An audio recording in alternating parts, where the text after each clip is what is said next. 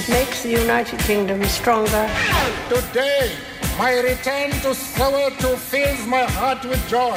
Ladies and gentlemen, welcome to London Heathrow's Terminal 5.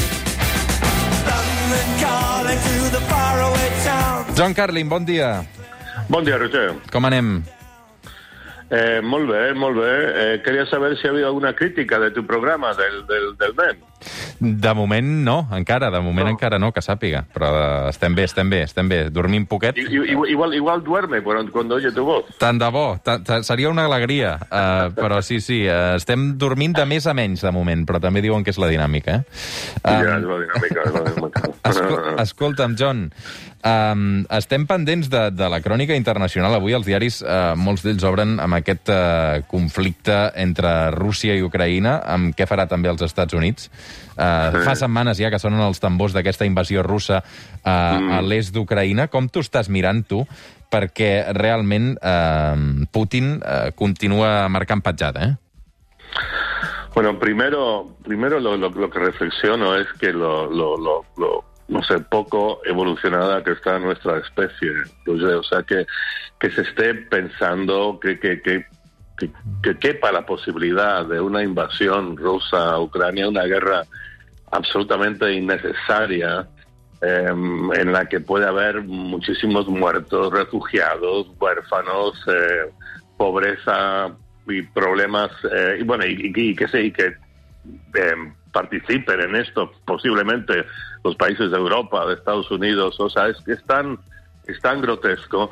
Y lo más grotesco de todo, como digo, es que es tan innecesario. O sea, por ejemplo, no sé, los, los aliados fueron en la guerra contra, contra los nazis, bueno, eso había una justificación, pero aquí la única explicación que hay realmente, por más pretextos que, se inventen, es que Putin está haciendo esto como es la, la- clásica maniobra del, del líder que se siente acosado internamente eh, y que in- intenta distraer la atención y ganarse el apoyo del público con una aventura militar eh, en las fronteras, en el extranjero. Esto todo, todo, todo obedece a- al, al deseo de mantener el poder eternamente de, de Vladimir Putin.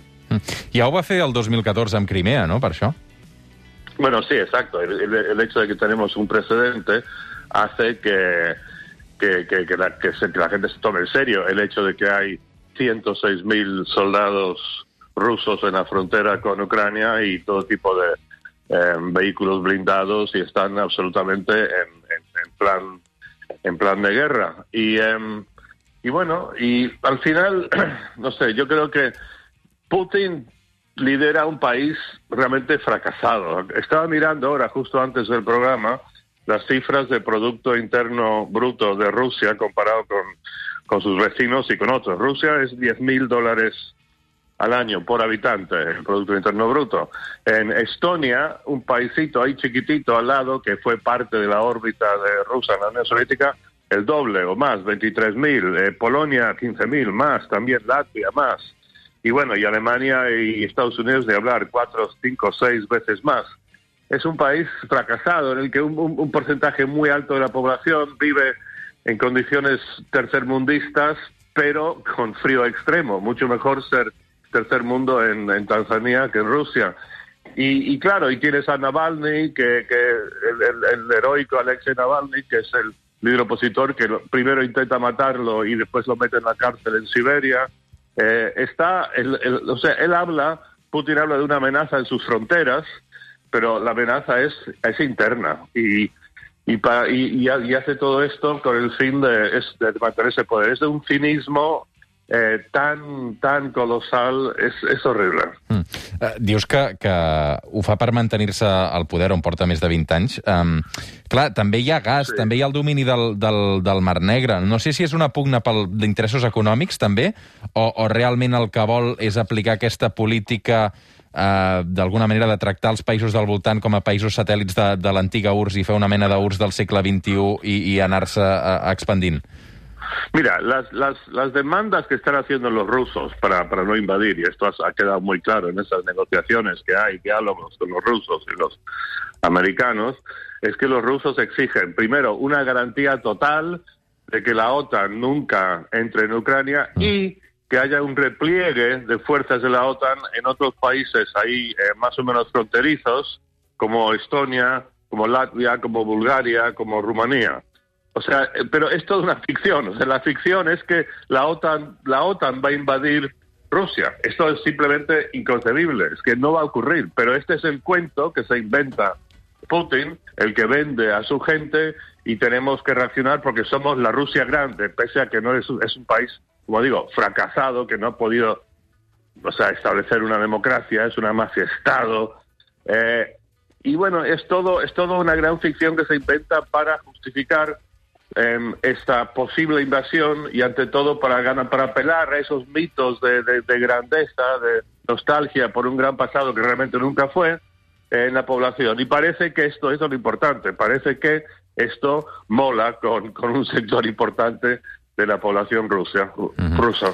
I Biden, eh, el paper de, de Biden, que Ui. aparentment era el, el, el moderat com va arribar, i el seny, eh, què t'està semblant?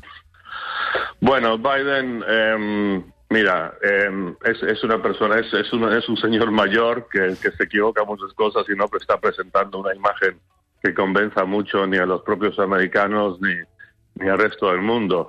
Y claro, veremos qué pasa en caso de que Rusia realmente invada Ucrania. Eh, no sé, me cuesta pensar que los americanos van a entrar con tropas, con lo cual el problema va a recaer sobre nosotros los, los europeos, que no tendremos el problema aquí en nuestras fronteras y como creo mencionaste hace un momento, tema suministro de gas que se puede bloquear eh, y vamos a tener un lío tremendo que nos va a afectar a nosotros incluso aquí en España, en Catalunya, sin duda. Si esto ocurre, ojalá que no. Uh -huh. John Carlin, uh, moltes gràcies com cada dissabte. Una abraçada ben forta, cuida't.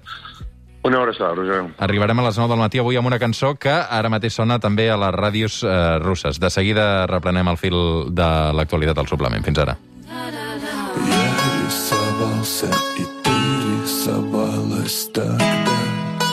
Моя ставка не зашла на НБА